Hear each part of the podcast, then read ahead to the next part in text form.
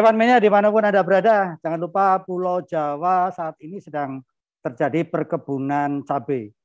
Artinya lagi memerah karena level 4 jadi kan pedas. Jadi tetap jaga-jaga uh, olahraga yang paling baik pada saat pandemi adalah lari. Lari dari kerumunan. Baik, Evan Mania, ini Asa sudah menyiapkan banyak, saya sudah kaget juga. Uh, mungkin ada Masi, ada Ferrari, ada Mercedes, ada Alpine tapi saat ini dibilang masih di belakang aja. Kenapa? Tiga mobil ini rasanya ngeri semua gitu kan. Yang jelas ketika mobil ini keluar semuanya eh, mengapati dengan eh, secara teknis dan tidak membuang waktu. Saya mau tanya kepada Asa karena Asa memakai merah. Berarti ada sesuatu di balik kemerahannya ini. Kenapa? Dia kan biasanya kalau ada sesuatu yang menonjol tuh bisa dilihat dari pakaiannya. Udah, sesuatu empati, simpati, atau memang ambisi. Ya, kita tahu. Kita pengen tahu. Saya juga pakai merah. Lah, saya memang pecinta Michael Schumacher saat. Koleksi saya, koleksiku merah semua.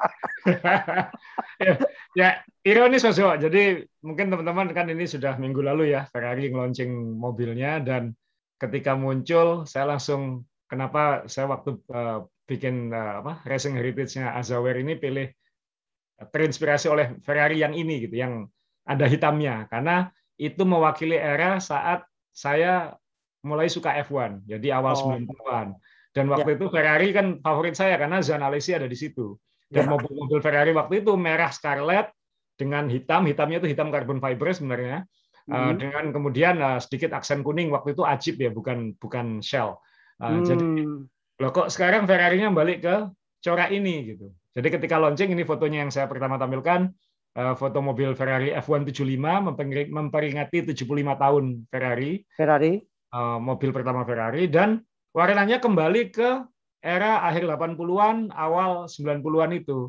Eh, dan ini ada ceritanya kenapa seperti ini. Jadi kita sebelum ngomong fitur mobilnya, mungkin ya. banyak penggemar F1 tidak paham. Kalau merah Ferrari itu sebenarnya ganti-ganti tiap tahun. Hmm. Tahun lalu memang ada marunnya dikit karena itu ngenang yang dulu banget. Ya. Tapi sebenarnya waktu F1 era kemasan pertama yaitu 80-an 90-an eranya ya. Senna, Prost, Mansell. Ya. Ferrari itu seperti ini. Merahnya seperti ini. Mungkin tidak Dove seperti ini ya. Ini kan warnanya Dove ya. ya. Uh, kalau dulu itu kan glossy. F1 F1 dulu warnanya glossy, sekarang glossy. Dove. Tapi tapi corak merahnya seperti ini. Kenapa berubah jadi merah lebih neon? Uh, era Michael Schumacher, kemudian uh, belakangan berubah uh, tidak tidak seperti inilah intinya. Karena sejak tahun uh, 9 eh, sorry, sejak 97 Philip Morris, pemilik brand Marlboro, itu ya. tanda kutip membeli seluruh bodi Ferrari. Jadi pola sponsorshipnya dulu bukan saya bayar logo utama, bukan Mas Yo. Oh. Philip Morris membeli seluruh bodi, bodi ya. kemudian ya. Philip Morris yang jualan. Jadi sponsor-sponsor yang ada di badan itu bayarnya ke Philip Morris. Agensinya Philip Morris atau Philip Morris gitu. Jadi Ferrari enak dapat uang utuh, Philip Morris dapat karena kan dia nggak bisa pasang logo Marlboro juga karena larangan rokok, ya. tapi dia bisa ya. dapat bisnis dari situ juga. Minimal mengurangi uh, mengurangi pengeluarannya uh, mensponsori Ferrari. Jadi waktu itu ada business decision yang mengubah warna Ferrari dari scarlet, scarlet yang ini ke Marlboro Red. Walaupun tapi... sebelum itu sebenarnya logo Marlboro sudah ada. Ya. Logo Marlboro sudah ada, tapi kemudian pada 97 eh, saat ya intinya saat Michael Schumacher mulai dominan di sana lah itu merahnya berubah. Nah, sekarang kontrak dengan Philip Morris itu berakhir tahun lalu, akhir 2021. Ya. Sehingga mulai 2022 Ferrari kembali jadi Ferrari.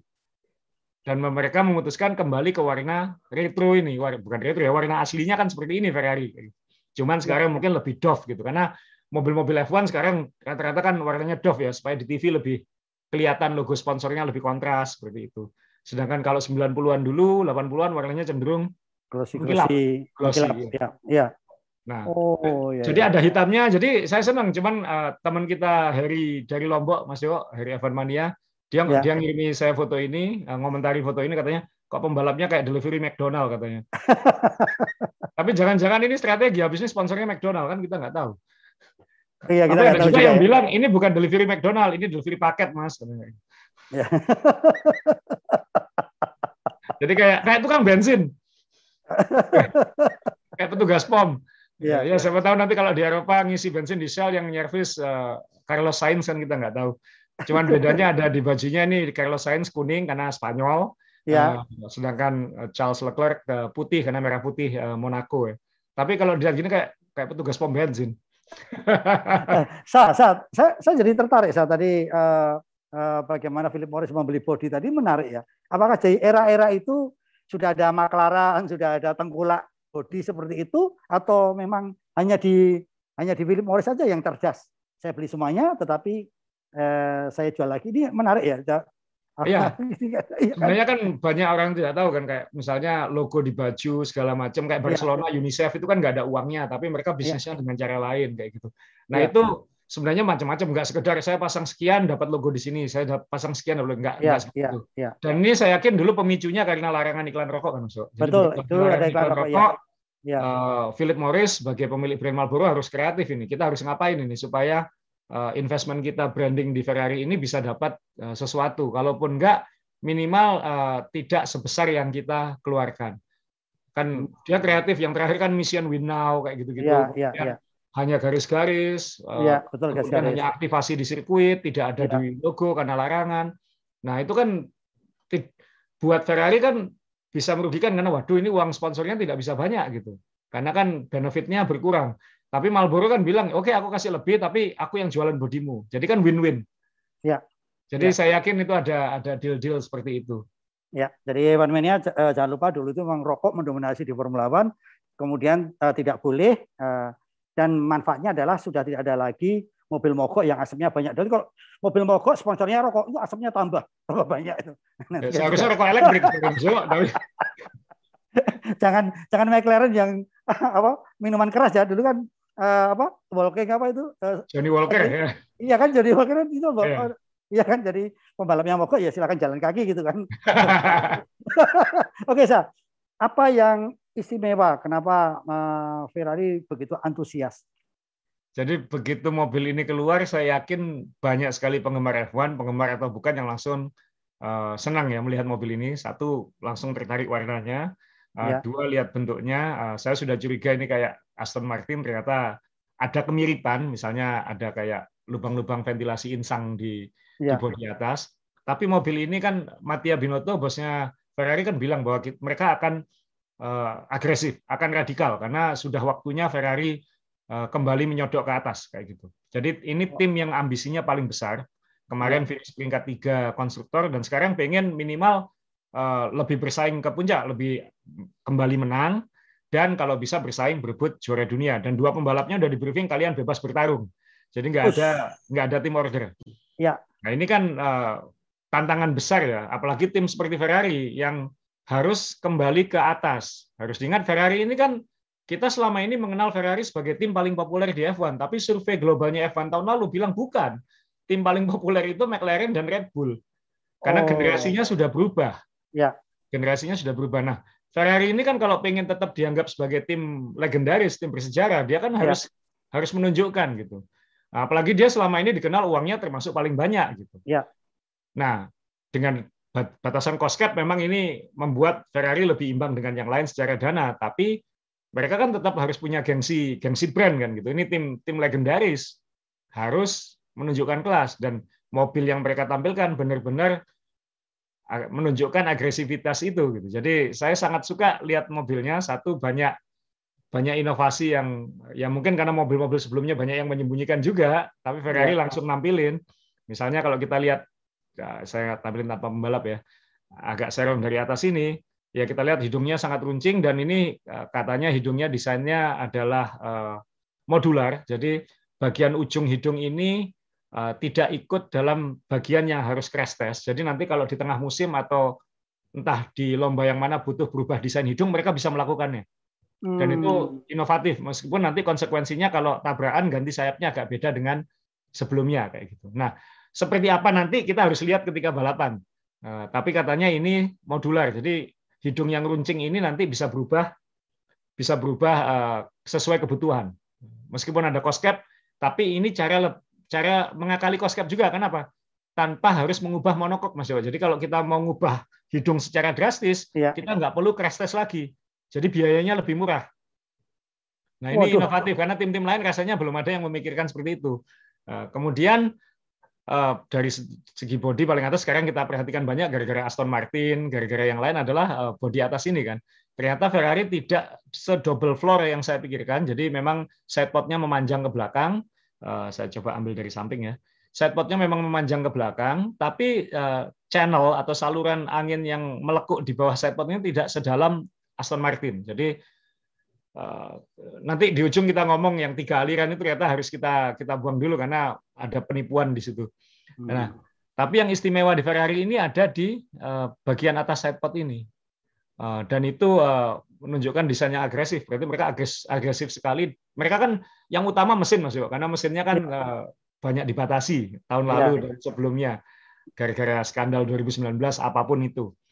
Jadi mereka sekarang sudah akan niat bahwa mesin kita akan uh, naik kelas, naik level, dan kita akan memasang bodi yang agresif, yang uh, memenuhi apa uh, bahwa mesin ini bisa di diminimalisir misalnya coolingnya atau apanya seperti itu. Nah, yang orang-orang paling perhatian mungkin kalau kita lihat dari atas, maka kelihatan ini seperti ada bak mandinya di sini ya, seperti ada wastafel di kanan kirinya. Ya, Jadi melengkung separuh wastafel itu lampung ke dalam ya.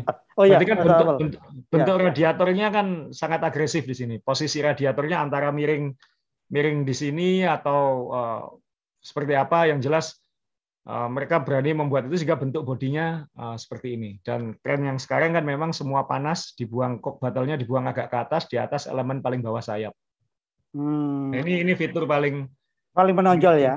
Ya paling menonjol uh, dan kelihatan apa radiator inlet apa inletnya sidepodnya tipis memanjang gini agresif. Ya. Ada fitur-fitur lain kecil-kecil di sini yang mungkin terlalu teknis untuk kita bicarakan.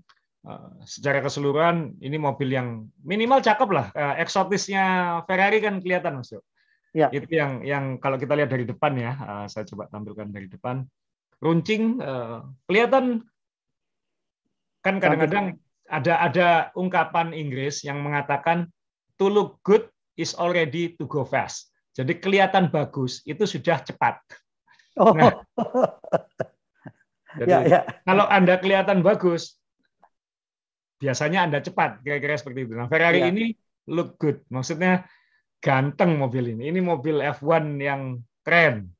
Uh, saya sih suka sayap depannya uh, sangat rendah. Nanti Anda akan lihat ternyata khas juga kayak gini. Uh, jadi khas yang di lonceng pertama benar-benar mengecoh. Ya. Jadi kan kita khawatir waktu itu Haas kan mesinnya Ferrari, gearboxnya yeah. Ferrari, banyak engineer Ferrari. Ekornya seperti itu, jangan-jangan Ferrari seperti itu. Ternyata nggak sama sekali gitu. Dan yeah. ternyata Haasnya ya nggak kayak gitu. Itu itu Ferrari membantu mengecoh pakai Haas, kira-kira kayak gitu. Oh ya, uh, saya sempat salah saja jadi salah juga waktu semuanya membahas uh, sidepodnya tadi.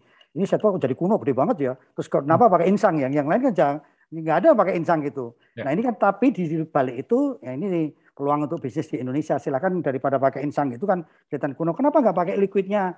Campur adem sari, cap kaki tiga, itu kan pendingin juga. Saya juga mikir, oh, lumayan ini. Paracetamol bisa masuk di situ. Ini lumayan loh kalau teman-teman kalau mau bisnis, kulaan bodinya Ferrari dijual ke sponsor-sponsor tadi aja gitu. Nah, ya, dan, dan ini sidepod bisa dijual ke restoran-restoran, dok. Bisa jadi baknya wastafel kalau misalnya. Sekarang masuk restoran harus cuci tangan dulu itu. Iya, harusnya ke, Harusnya dijual ke bosnya Mercedes dong, kasih logo Toto, wastafel gitu kan. Oke, okay, uh, eh, saya ini uh, uh, Ferrari. Jadi kalau feeling Asa ini memang tadi kelihatan bagus, sudah kelihatan bagus pasti cepat gitu kan. Dan sebenarnya kalau tadi Asa bilang uh, pembalap juga dibebaskan. Emang selama ini di Ferrari sangat ketat uh, uh, tim ordernya antara Leclerc dan siapa uh, saya melihatnya gini Mas Yo, selama ini karena Ferrari tidak bersaing berebut juara dunia, jadi kan tidak ya. perlu ada tim order. Yang penting siapa yang posisinya lebih baik itu yang diprotek. Tapi bahwa sebelum musim 2022 ini Ferrari harus mendudukkan kedua pembalapnya, ya, mengatakan ya. bahwa tidak akan ada tim order, berarti kan itu menunjukkan optimisme Mas Yo. Oke, sah. Jadi kan selama ini tersirat kalau sains itu memang di di kedua kan ya tanda petik tanda petik ya. enggak juga sih. Sainz juga, ya? kan lebih tinggi posisinya daripada Leclerc. Nah, kenyataan kan, lebih tinggi. Leclerc kan memang sudah duluan di situ dan Leclerc, ya. Leclerc punya kontrak jangka panjang sampai ya. 2024 kalau nggak salah. Sedangkan ya. Sainz kontraknya tahun ini habis. Ya. Dari situ biasanya tim akan mengutamakan yang jangka panjang. Tapi katanya sekarang Sainz sudah mulai ngomongin perpanjangan. Nah ini kan kabar buruk buat Mick Schumacher dan lain-lain kalau dua pembalap ini dipertahankan terus. Ya. Oke. Okay, Tapi itu minimal menunjukkan bahwa Ferrari ini optimis mas, bahwa ya. dua pembalapnya sudah harus didudukkan dari awal. Uh, saya pasang fotonya Binotto dan dua pembalapnya. Ya. Kita dudukkan bahwa tidak ada tim order sekarang, kalian bebas bersaing. Itu kan menunjukkan ada kemungkinan kedua pembalap ini ikut bersaing juara dunia. Ya, tapi sisi lain kan juga kita baca dari Lewis Hamilton dan uh, Nico Rosberg yang akhirnya kanibal kan saling memakan. Ini mungkin yang jadi pelajaran aja ya saya. Tapi itu kan itu kan urusan nanti ketika bersaing Mas. Ini kan belum. Oke, okay, okay. Itu problem jadi, itu problem yang baik. Ya. Itu problem ya. yang baik karena problem berebut juara dunia. Mereka kan belum berebut juara dunia, jadi belum punya problem itu. Oke. Okay. Yang penting jadi, sekarang bagaimana berebut dulu, silakan semaksimal mungkin mengejar nanti ya situasi itu dipikir belakangan. Jadi kalau dia tinggal diatur di belakang. Tetapi ini juga ralat buat Asa nih. Tadi Asa bilang semua pembalapnya nggak ada uh, tim order. Kalau menurut saya sebagai uh, Evan Mania casual ini ya tetap ada tim order. Minimal ordernya poin atau kalau bisa juara juara atau podium. Ordernya pasti ada ordernya. Kalau nggak ada ordernya nanti maka dikasih buta santai-santai aja. yeah. Sa, uh, jadi dua pembalap ini untuk Kans kalau memang mobilnya bagus, menurut Asa memang sudah siap secara mental. Karena kemarin kan kita dapat pelajaran ya bagaimana seorang Max Verstappen itu kan um, apa melawan Lewis Hamilton. Ini kalau mentalnya tidak kuat kan nggak mungkin uh, dalam kondisi yang naik turun naik turun seperti kemarin tahun lalu. Cah. Betul, Leclerc sudah teruji pernah menang. Ya. Tinggal konsisten menang dengan kalau ada mobil yang bisa konsisten menang, dia bisa konsisten nggak? Tahun lalu kan masih ada bikin kesalahan dia. Habis ya. pole position nabrak di Monaco, hilang kesempatan ya. menang. Ya. Hal-hal kecil-kecil seperti itu. Sainz terbukti konsistensinya hmm. luar biasa sejak di McLaren. Ya. Konsistensi. Jadi kalau yang lain tidak hati-hati, ini yang akan menyodok. Karena dia akan terus mengumpulkan poin. Terus mengumpulkan poin. Tapi dia belum teruji menang lomba. Minimal hokinya belum kelihatan. Beberapa kali punya peluang menang apes. Kayak dua tahun lalu di Monza, dia seharusnya yang paling cepat, yang menang malah Gasly. Seperti itu. Nah, Sainz belum teruji di situ. Tapi secara di atas kertas, Ferrari sudah punya pegangan bagus ini. Satu pembalap minimal konsisten luar biasa, satu ya. pembalap bisa diandalkan ngejar menang secara teori. Bisa kebalik kan? Ya. Dan terbukti dua-duanya berhasil konsisten sehingga Ferrari peringkat tiga uh, konstruktor tahun lalu. Ya. Seandainya mereka punya mobil yang lebih cepat, mungkin bisa berebut bersaing sama Mercedes dan Red Bull. Tapi kan tahun lalu nggak maksimalnya ya peringkat tiga, dan mereka maksimalkan itu. Nah ini yang yang ditunggu sekarang. Uh, ya ini ujiannya Ferrari dan tahun ini saya kira F1 uh, eh, punya kepentingan, bukan hanya Ferrari yang punya kepentingan juara, F1 juga punya kepentingan uh, Ferrari juara karena kalau Ferrari juara maka itu baik untuk F1. Karena bagaimanapun banyak penggemar-penggemar lama itu ikatan hatinya dengan kenangan Ferrari. bersama Ferrari. Ya. Ingat Ferrari terakhir kali juara dunia pembalap 2007 terakhir kali juara dunia konstruktor 2008. itu udah lama banget, udah belasan tahun yang lalu. Ya, seperti yang kita pernah bahas kan, Ferrari terakhir kali juara dunia pembalap Kimi Raikkonen, iPhone baru keluar. Jadi ya. ini ada sekarang udah iPhone 13, mereka belum juara dunia. Udah ada Xiaomi juga lah banyak sekarang mereka. uh, ya. Saya, Jadi, saya satu lagi Mas Dewa. Uh, silakan, silakan saya, silakan ya, saya. Karena warna retro ini, uh, begitu melihat ini kan saya langsung kenangannya kembali ke Ferrari Ferrari zaman Jean Alesi dan zaman dulu ya. Ya. Uh, pertama kalau kita melihat hidungnya, ini hidung yang runcing ini. Ya. Coba perhatikan lubang di ujung hidung ini khas Ferrari ya. Kita sekarang saya tampilin foto tahun 91. Nah, ini Ferrari oh, iya. ya, 641 kalau nggak salah. Ini Alain Prost. Ini momen sebelum ditabrak Ayrton Senna. Uh, ini 90 sorry. Momen sebelum ditabrak Ayrton Senna kalau nggak salah dan Senna jadi juara dunia. Uh, tahun 90 ini karena Senna pakai nomor 27, Ferrari pakai nomor satu untuk keren nomor waktu itu. Biasanya 27 itu Ferrari.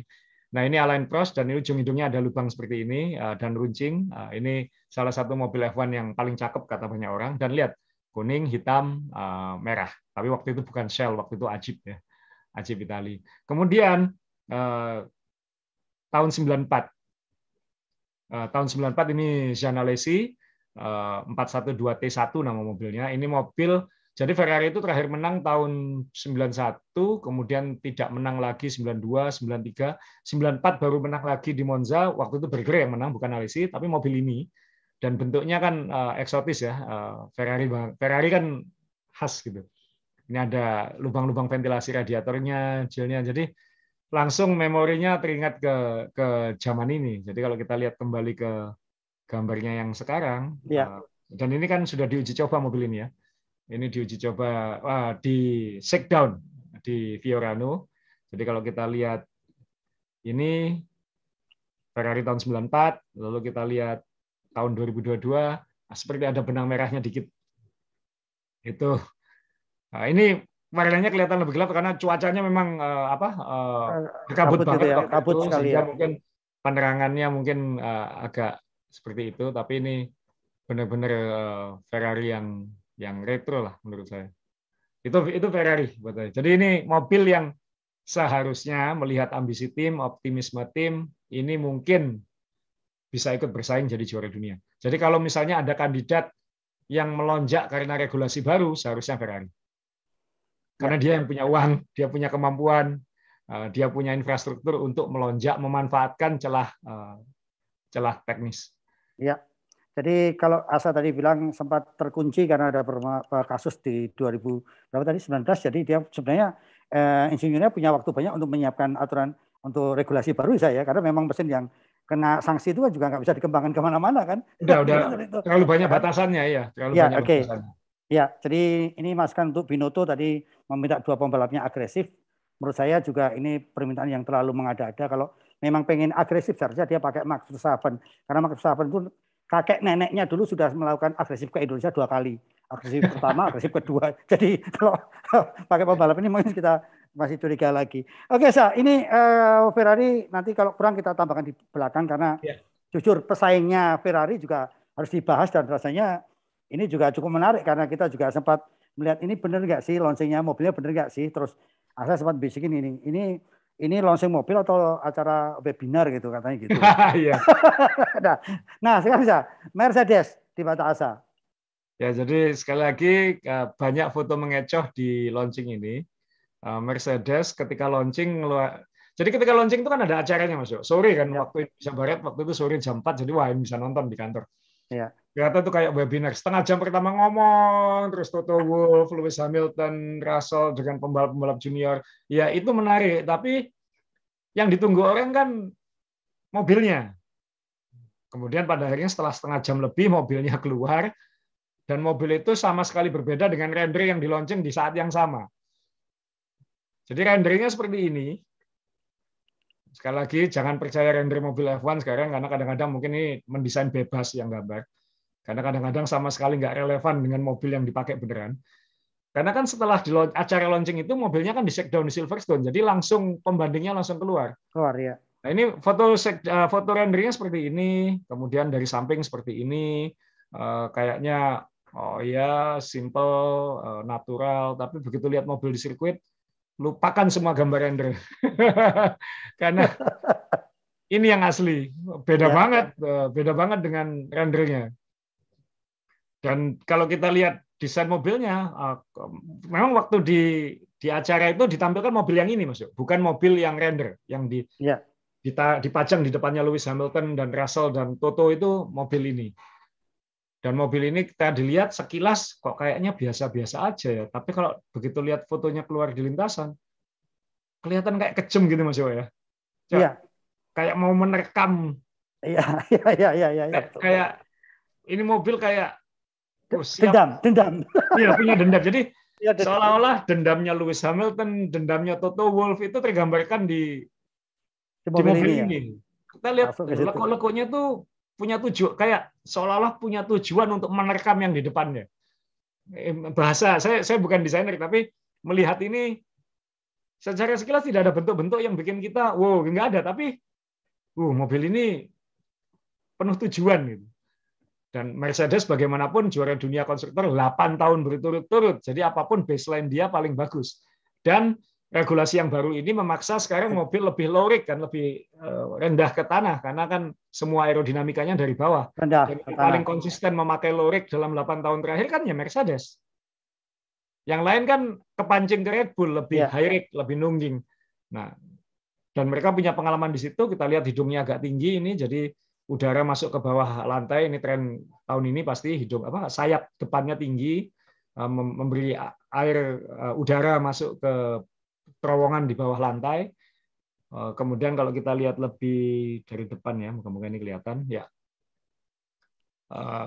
Secara sekilas kan tidak ada yang spektakuler ya sebenarnya, tapi kita lihat bentuk sayapnya misalnya memberi ruangan di tengah-tengah ya. untuk angin menerobos ke dalam juga seperti itu. Sayapnya sangat agresif, ada bentuk W-nya, mungkin karena nama mobilnya W13 ya. Jadi ada melengkung-melengkung di sayap belakang seperti ini. Ya. Dan yang mungkin yang nonton, yang waktu itu nonton apa launching, mungkin langsung tertarik pada lantainya kan ya. Ini kayak kerupuk dikremes sih. Iya, ini perlu. Jadi memang Anda harus kuliah aerodinamika minimal S3 untuk membuat bentuk kremes ini. Ini pastel. Karena kalau Anda kuliahnya S1 ini lurus. ini pastel saya, ini koki yang bikin ini. Jadi kalau Anda kuliah S1, saya apa lantai ini adalah lurus. Kan lurus bagus, rapi yeah. kan. Kerapian gitu. Kan yeah. kita kalau bangun rumah kan nggak suka dindingnya lekuk-lekuk kan. Lekuk, iya. Nah, tapi kalau kuliahnya S3 aerodinamika dibikin kayak gini malah. Bikin keriput malah. Iya. Dan ini aneh saya, ini harus difoto karena apa? Kasihan yang uh, tim dari asuransi ini dikira ini mau diklaimkan enggak memang dari awal udah kayak rusak gini gitu. sudah takut asuransinya. Nah kalau gitu tuh jadi alatnya asuransi Mas Yo kalau ada mau lo benar ini lebih aerodinamis. jangan di jangan dikirim ke ketok magic biar jangan dikirim. saya ini saya ter, uh, jujur saya tertarik dengan omonganmu tadi saya. Uh, dia low rate selama 8 tahun dan juara dunia konstruktor. Ya. Dan ini kan sudah katam, sudah ahli kalau kita iya. ngomongin. Nah ini kan bahaya juga untuk tim-tim lain. Sangat bahaya sangat bahaya. Apa pun sangat bahaya. Ini, apa pun standarnya ini Mas Iwan. Jadi semua launching itu yang kita tunggu kan McLaren. Eh sorry Mercedes. Mercedes. Biasa McLaren Mercedes. Uh, Mercedes. Ferrari ditunggu karena ini tim punya ambisi gitu dan punya ya. tradisi dan dia punya uang untuk inovasi. Red Bull ditunggu karena dia penantang utama.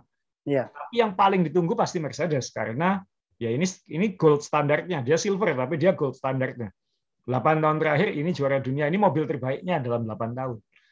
Nah, itu yang apa yang baru? Ternyata kan bagian belakangnya kan relatif standar ya nggak nggak kayak Ferrari yang ada lekuan di atas nggak kayak Aston Martin yang uh, kayak WC dilihat dari ya, atas ya, itu. ya. dia relatif sebenarnya dibandingkan dengan mobil tahun-tahun sebelumnya relatif nggak terlalu banyak berubah sebenarnya.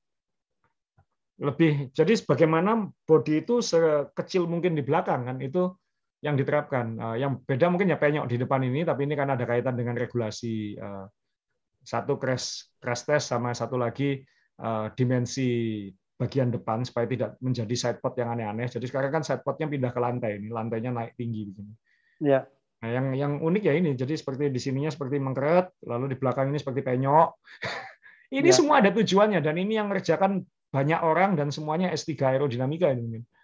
Yang S2 ditolak. Ini. ini saya juga jadi curiga nih apakah tahun ini Petronas itu sponsornya sedikit sehingga dibuat penyok-penyok gitu kan kasihan Petronasnya ini. nah, kalau melihat oke, okay, kalau jadi saya juga jadi tersadar nih. Ini kalau Asa bilang Mas Yesus mengerikan benar juga nih karena uh, ternyata basicnya memang low dan sekarang ini tinggal kita ngomongin dua pembalapnya. Pembalap ini kan satunya bertahan, punya emosi untuk mengalahkan tahun lalu, yang ya. satu baru juga pengen berbicara gitu kan. Nah, ya. kalau dari sisi pembalap kira-kira kombinasi pendatang baru dan yang bertahan tadi itu apakah nanti akan memunculkan juga uh, di lintasan karena pendatang barunya juga jagoan kualifikasi itu. Itu termasuk salah satu elemen cerita yang bisa dihasilkan musim ini. Kalau ini ya. botas lagi, mungkin ada kejenuhan sedikit ya dalam hal dalam hal itu. Uh, mungkin tidak ada lagi yang menggoda Hamilton untuk lebih lebih agresif. ya, Russell banyak pembalap kita melihat tahun lalu ketika dia pindah tim, dia butuh waktu minimal lima lomba untuk beradaptasi. Sergio Perez misalnya. Nah ini Sainz misalnya, Daniel Ricciardo yang butuh hampir setengah musim untuk benar-benar megang mobil itu seperti apa. Kenapa? Karena uji cobanya dibatasi, waktu latihan berkurang, sehingga jam terbangnya di atas mobil sangat berkurang. Russell ini kan beda. Russell ini kan binaannya Mercedes. Dia tahun 2019 akhir, eh sorry, 2020 akhir sudah sempat balapan untuk Mercedes ketika Hamilton kena COVID kan. Ya. Jadi ini ini beda, ini bukan pembalap baru yang dipindah baru. ke sini. Ini pembalap binaan yang dibawa ke sini yang punya jam terbang di simulator, yang pernah mengendarai versi-versi sebelumnya, yang familiar dengan cara tim ini bekerja, sehingga itu memberi uh, tantangan baru buat Hamilton.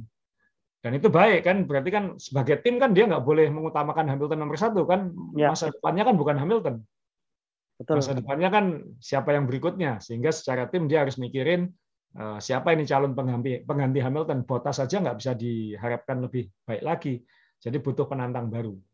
Nah ini yang jadi salah satu cerita nanti. Eh, Russell sudah mulai punya banyak fans sehingga kalau Russell bisa mengalahkan Lewis itu juga jadi cerita yang baik.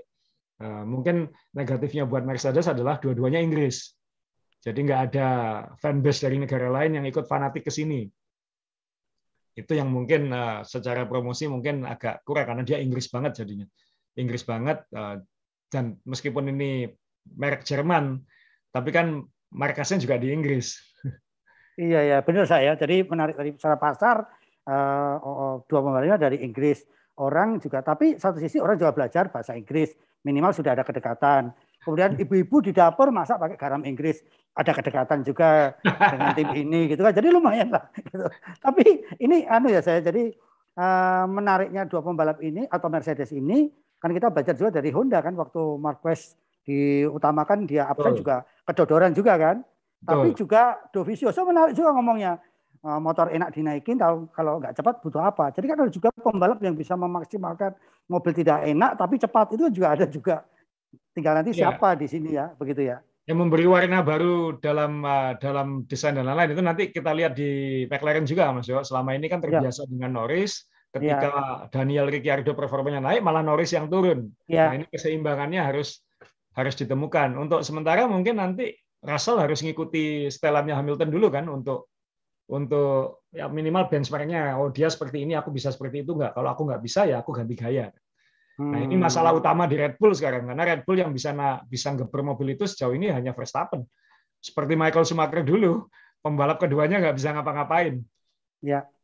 Oke. Okay. Yang yang jelas eh, cerita Russell ini pasti akan jadi salah satu anu lah, salah satu poin poin penting eh, minimal minimal lima lomba pertama. Kalau lima lomba pertama ternyata sudah ketinggalan jauh ya sudah kembali akan ada tim order lagi untuk mengutamakan Hamilton. Jadi oke okay, kamu masuk uh, masuk mode kursus lagi. Gitu. Jadi masa ya.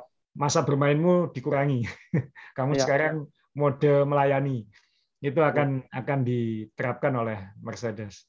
Ya, jadi mobil tadi ini terus terang ya tadi masuk uh, kembali ke mobil ya maaf. Uh, sekilas kayaknya biasa-biasa, tapi begitu melihat foto yang ini, wih, kejam mobil ini. Iya. Kejam mobil ini. Iya, dan sudah berani pasang target itu di sampingnya ada tulisannya IBC itu sah. Mana? Oh. Iya, itu kan Iki World Champion Iki, itu kan. Iki, World Champion. Iki World Champion Iki. Gak main-main nih kira. Iya. Uh, ada tambah lagi untuk Mercedes, ah? Ya, untuk Mercedes eh, yang pertama itu eh, kita sekali lagi belum tahu nanti apakah ada pengembangan lebih. Eh, mungkin masih ada yang disembunyikan juga di sini. Mungkin nanti masih ada yang akan berubah lagi. Dan besok hari Rabu besok kan sudah mulai uji coba ya, ya. di Barcelona. Meskipun uji coba itu sifatnya tertutup, tidak ada live timing, tidak ada live TV, tapi tiap akhir hari akan ada muncul data jadi yang paling ditunggu pasti Mercedes di mana. Kalau dia di atas, selisihnya berapa? Kalau dia di bawah, itu kita akan bertanya kenapa. Apa pun yang terjadi, ini benchmarknya. Ini mobil yang paling ditakuti, mobil yang paling mengerikan, mobil yang paling ditunggu performanya. Kalau mobil ini ternyata kayak tahun lalu saat uji coba ada tanda-tanda agak rewel dikit, itu langsung muncul eh, harapan bagi yang lain. Tapi kalau mobil ini kembali ke sebelum 2021 ketika dia dengan enteng mendominasi ke apa eh, sesi dan lain-lain, ya mungkin eh, nggak perlu dukun ya ini Mercedes juara dunia lagi.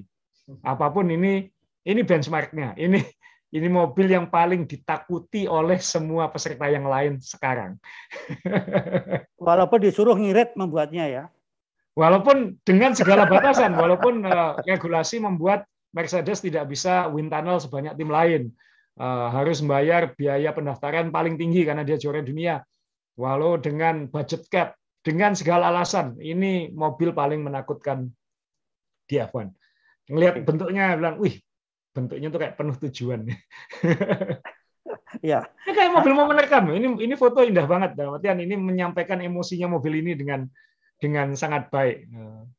Nggak tahu ah, teman-teman ah, yang melihat memiliki pandangan yang sama atau tidak, tapi saya melihat foto ini langsung agak intimidatif dikit. Gara-gara saya bilang budget cap, kalau ke sirkuit saya nggak akan beli topinya lah, pasti mahal saya beli kaosnya aja deh. Oke. Okay. uh, Ewan Mania ini Asa uh, uh, menyampaikan bahwa ini ada mobil yang uh, mengerikan, menakutkan, siap menerkam. Cuman dicek dulu nanti pada saat uji coba apakah nasibnya seperti tahun lalu atau apa. Kalau seperti tahun lalu ya kita punya harapan yang lain.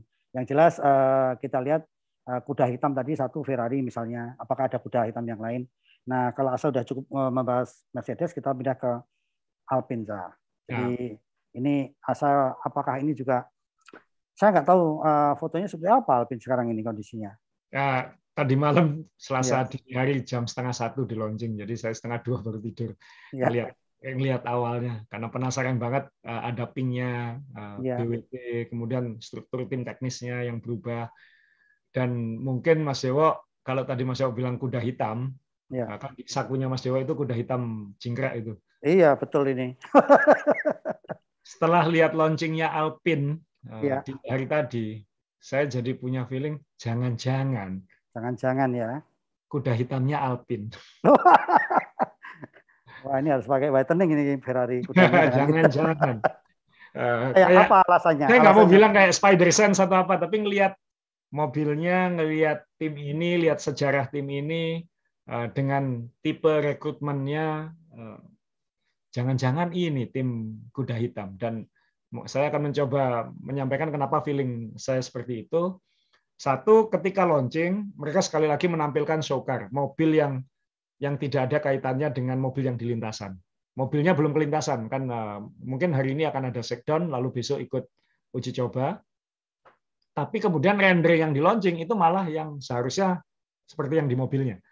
Jadi lucu yang berbalik dengan Mercedes. Mercedes tadi ketika rendernya bohong, mobil yang ditampilkan saat launching asli. Alpine, mobil yang ditampilkan saat launching bohong, show car, sedangkan rendernya mungkin asli. Aduh, musim ini emang. Jadi kalau kita lihat eh, Alpine ini eh, satu, ini mobil secara bentuk belakang Mas ya kalau kita lihat bagian belakangnya ini.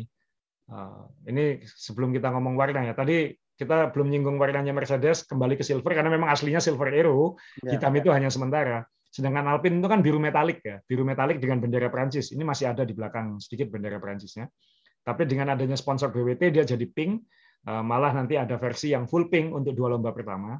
Nah, tapi eh, saya ingin nunjukin yang ini dulu. Karena saya ingin menonjolkan bagian belakangnya Mas Jo karena satu-satunya tim yang pakai mesin Renault kan dia. Ya. Tidak ada bandingannya. Ferrari pembandingnya ada Haas dan Haas. Eh, Alfa Romeo. Eh, Mercedes malah ada ada McLaren, ada Aston Martin seperti itu. Nah, Alpine ini sendiri, dia tidak punya referensi belakang tim lain, tidak bisa tukar pikiran, tidak bisa mendikte. Apa yang dia ciptakan adalah untuk dia, sesuai kebutuhan dia.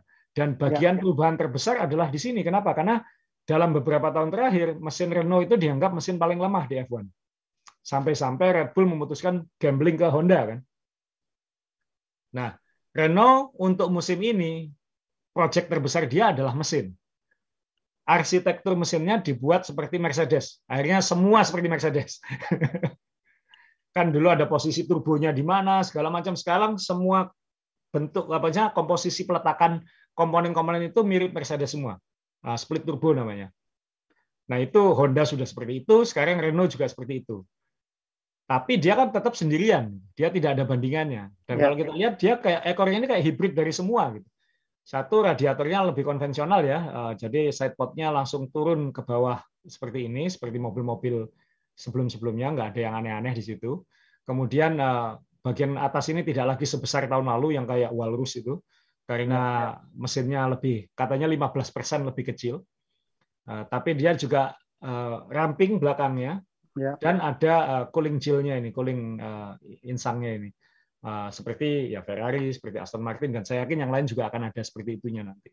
Dan uh, dibuang ke atas juga di atas elemen saya pertama. Jadi dari sisi bentuk ini dia sekilas konvensional biasa, uh, tapi di sisi lain kayak penuh tujuan, nggak aneh-aneh. Nah, kalau kita lihat bagian depan uh, saya apa lantai depannya begitu naik tinggi gini untuk saluran angin masuk ke bawah tan ya. ke bawah mobil juga sangat bagus, hidungnya sangat runcing.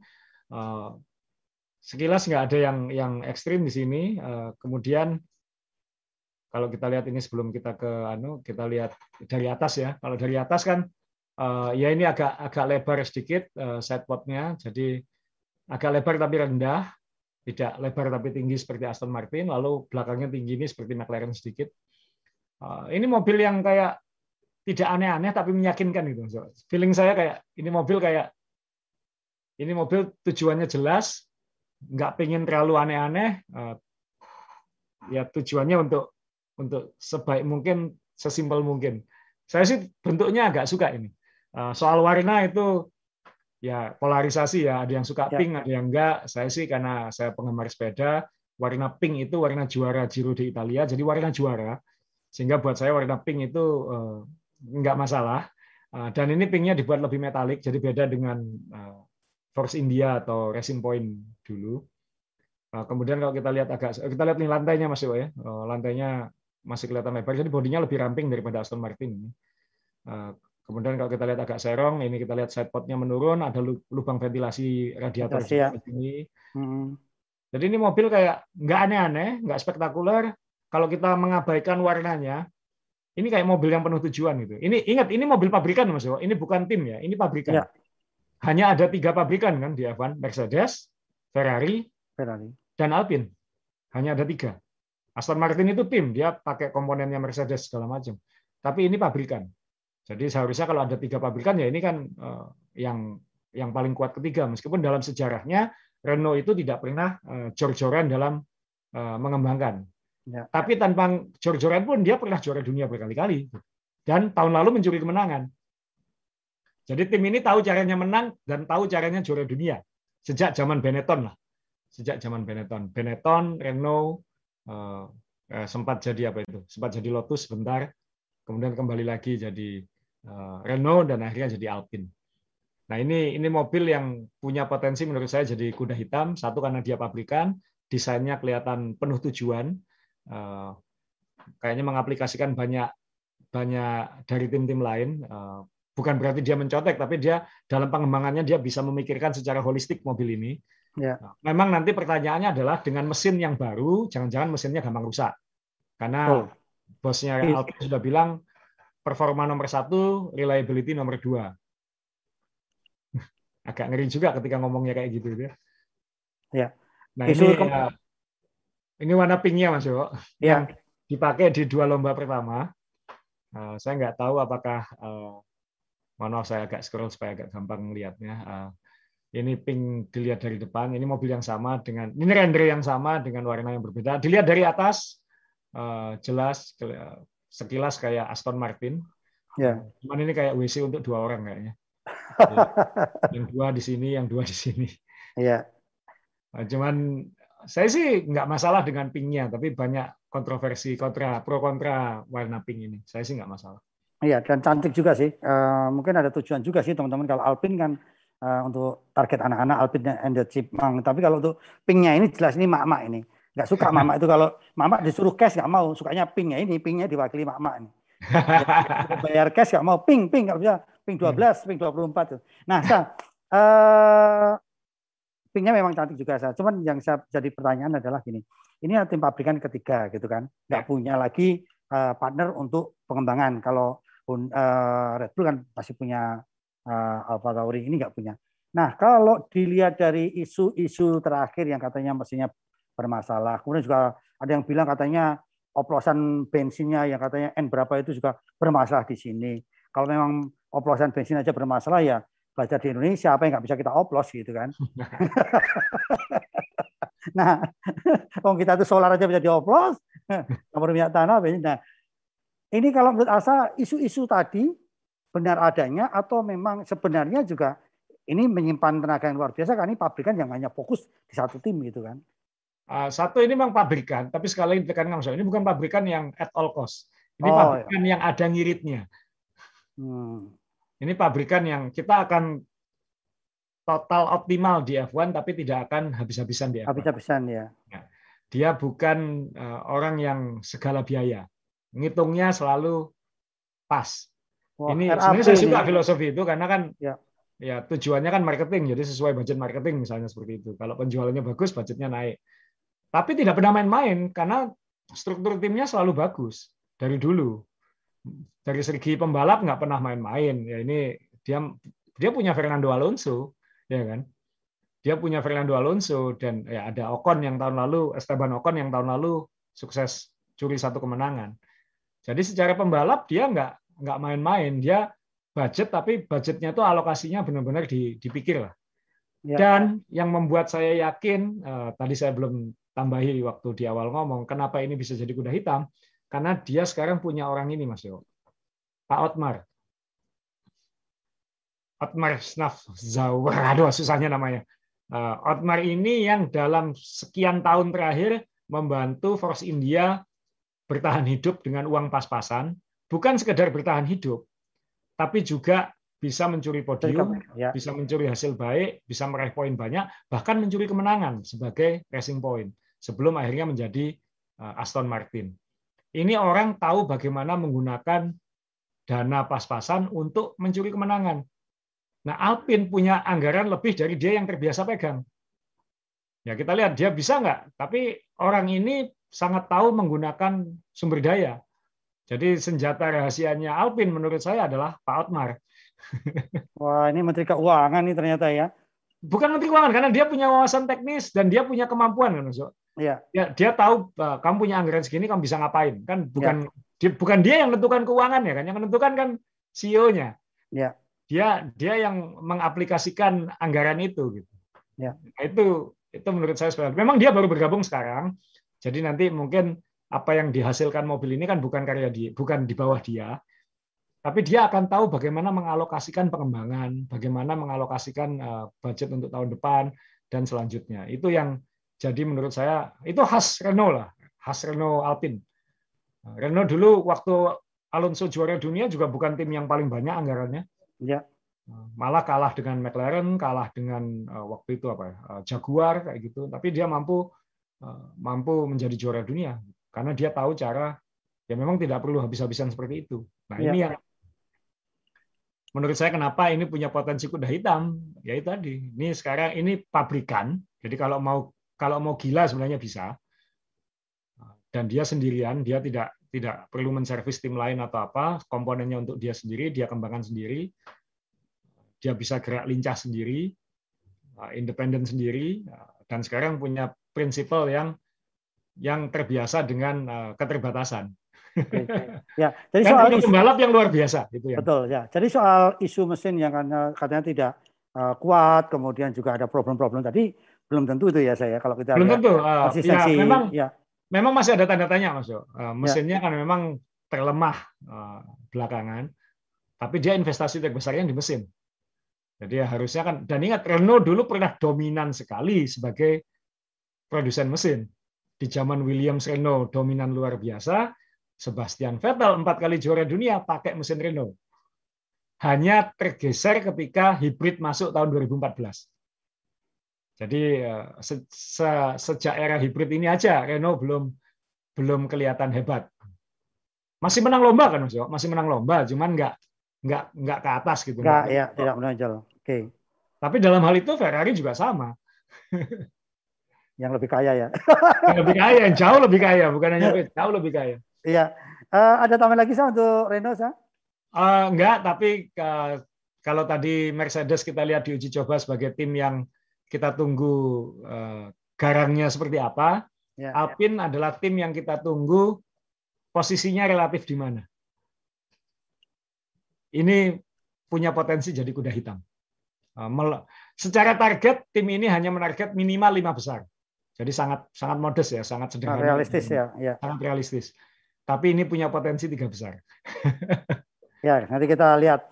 Eh, Oke, okay. Ewan Mania ini kita masih punya waktu nih, karena banyak teman-teman yang bilang oh, mau dua jam juga siap dan lain sebagainya oh, gitu kan. Nah iya, uh, dua jam juga silakan. Nah, kita ada keterbatasan karena kita itu masih pelajar, jadi waktunya harus banyak untuk belajar gitu kan. Kalau ngobrol banyak, ngobrol banyak gini kita dimarahin bapak ibu gitu. Oke, okay, Sa, ada berita apa lagi uh, yang perlu ya. kita Kita mau ngomongin masih, kita ngomongin Red Bull, atau kita ngomongin Has, atau ada Kayaknya lebih asik ngomongin mobil ya Mas Yo, karena besok sudah okay. coba. Saya kira okay. soal masih diganti, saya singgung sedikit aja. Uh, ya. Ada keputusan bahwa masih digeser, digantikan oleh dua orang plus pengawas. Anda bisa ya. Google sendiri uh, ya. siapa orangnya penggantinya. Secara politis ini tadi Mas Yo bilang ini kan sama kayak mengakui kesalahan gitu.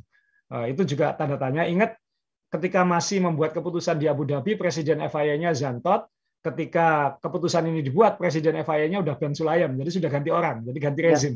Ya, ya ganti rezim. Uh, saya sih kurang setuju dengan keputusan itu, tapi kalau saya membaca between the line, itu sebenarnya masih ada masih ada beginilah, masih ini mungkin disingkirkan sementara, nanti juga bisa kembali lagi, kira-kira kayak gitu. Ini hanya untuk mendinginkan suasana atau apa, atau dia nggak ke mana-mana, dia masih ditawari sebagai eh, posisi lain di FIA. FIA akan punya sistem VAR sekarang, jadi akan ada wasit terpisah di ruang eh, mungkin di Paris atau di mana yang ikut mengawasi lomba dan berkomunikasi dengan sirkuit. Ini bukan hal baru di NBA seperti itu, wasit di lapangan itu dia ada wasit ekstra di ruangan di kantor NBA di New York yang ikut eh, mengawasi pertandingan yang bisa mengoreksi keputusan. Jadi ini masih akan ada pengembangan detailnya. Nanti sebelum season dimulai kita akan bahas mungkin Mas Yo sporting regulation yang yang diterapkan saat lomba karena masih ada pengembangan-pengembangan baru ini itu nanti sekarang kita ngomongin mobil dulu lah.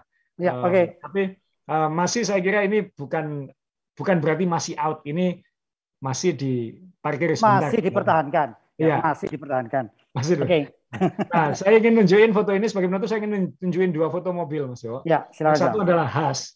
Karena Haas kemarin akhirnya uh, shakedown di Barcelona. Jadi dia ngirit dia ke Barcelona duluan, down sebelum uji coba, nggak perlu pindah-pindah sirkuit, langsung di ya. situ.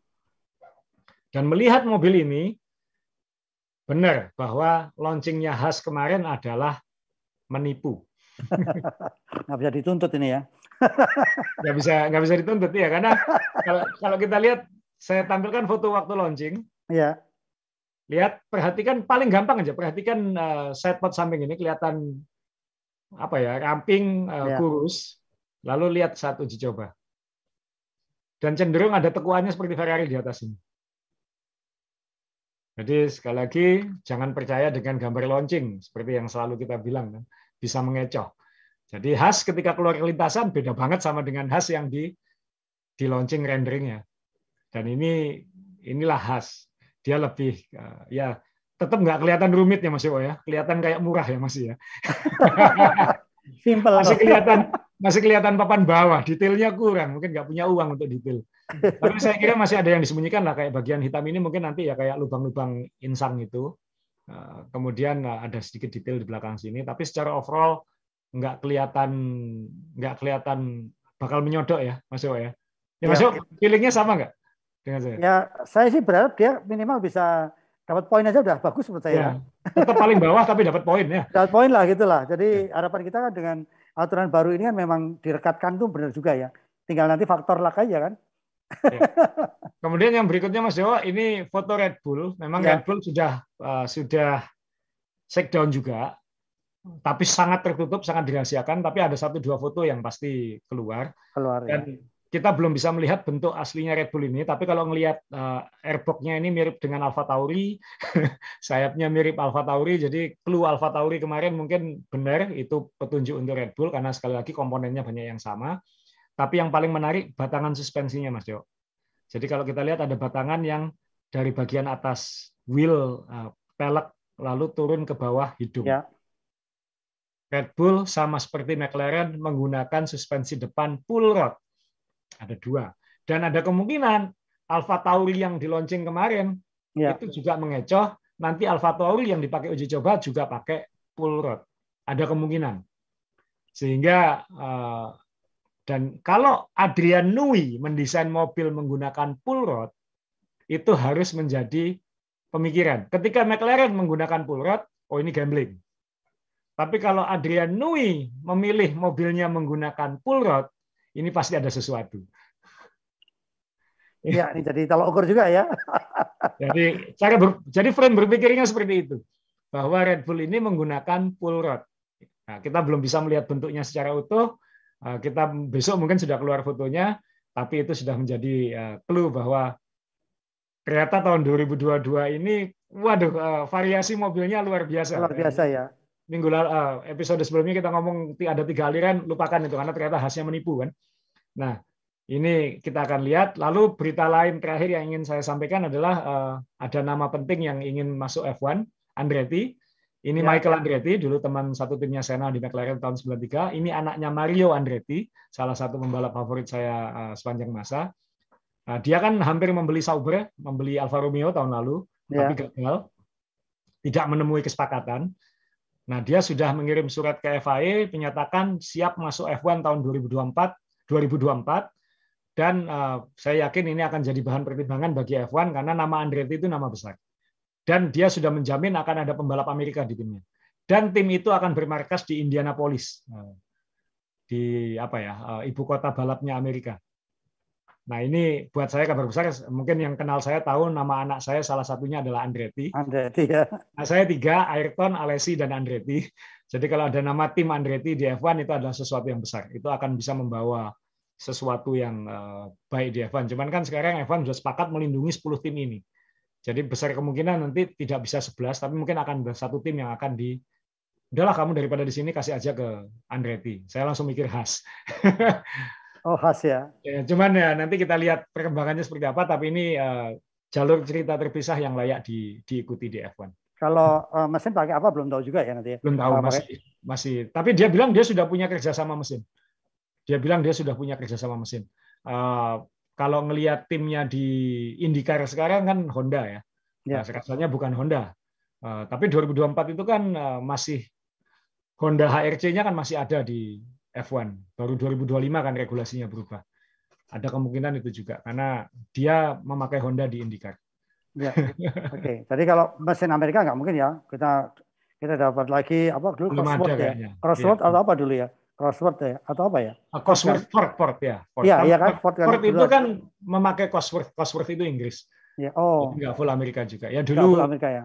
Kalau nggak salah ada Eagle atau apa, tapi uh, ya inilah uh, ini salah satu cerita 2024 yang saya tunggu karena kalau ada nama Andretti di F1 itu ingat F1 ini milik Amerika.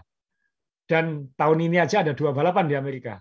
Miami sama Eh, Austin dan akan ada balapan ketiga antara di Indianapolis lagi atau di Las Vegas. Jadi pasti butuh pembalap Amerika dan kalau makin ada tim Amerika di situ akan semakin semakin kuat. Itu dari saya masuk. Oke, jadi Mania ini uh, yang sudah kita sampaikan pengamatan asal selama ini uh, kita lihat besok. Sekarang kita jangan ganggu dulu, jangan rame-rame karena tim-tim sedang konsentrasi tes. Kasihan kalau tesnya jelek kan nggak lulus kasihan. Oke, okay? jadi kita doakan saja tesnya lulus semuanya. Yang jelas uh, Evan Mania uh, sekarang lagi rame-rame tentang JHT. Kalau kita lihat semua pembalap uh, Formula One diam-diam aja cool cool aja nggak ngomongin apa-apa karena mereka tahu diri tidak pernah pensiun sampai umur 56 tahun. Baik, Evan Mania jaga kesehatan karena kita sekarang ada di level 4. Kalau bisa kurangi kerumunan, kemudian imun ini asa yang sudah pengalaman kena COVID karena yang paling mengerikan adalah long COVID-nya ya saya ya. yang yang harus dihindari. Sekali lagi komen asa atau saya silakan dikritisi kita terbuka karena memang kita hanya ingin ini adalah media media apa sih uh, silaturahmi untuk hewan media di Indonesia gitu saya. Dan minggu depan kembali Senin Mas Yo. Oh kembali Senin lagi ya. ya. Baik ya terima kasih dan sebelum kita tutup terima kasih kita sudah berada di Eropa kemarin saya karena kita baru mengalami hujan es yang baru tahu kita hujan es itu seperti itu. Saya cuma bisa bayangkan. Saya sudah pernah dulu di Italia, sekarang di nah, merasakan. Ya. ya, ya kan. Saya cuma uh, senang senang karena apa? Yang jatuh itu hujan es. Coba kalau XL, genteng bisa pecah semua gitu kan. Oke, okay, Ewan Mania, terima kasih. Jaga kesehatan. Asa, terima kasih. Teman-teman di belakang Asa, terima kasih. Jaga kesehatan. Sampai jumpa Senin.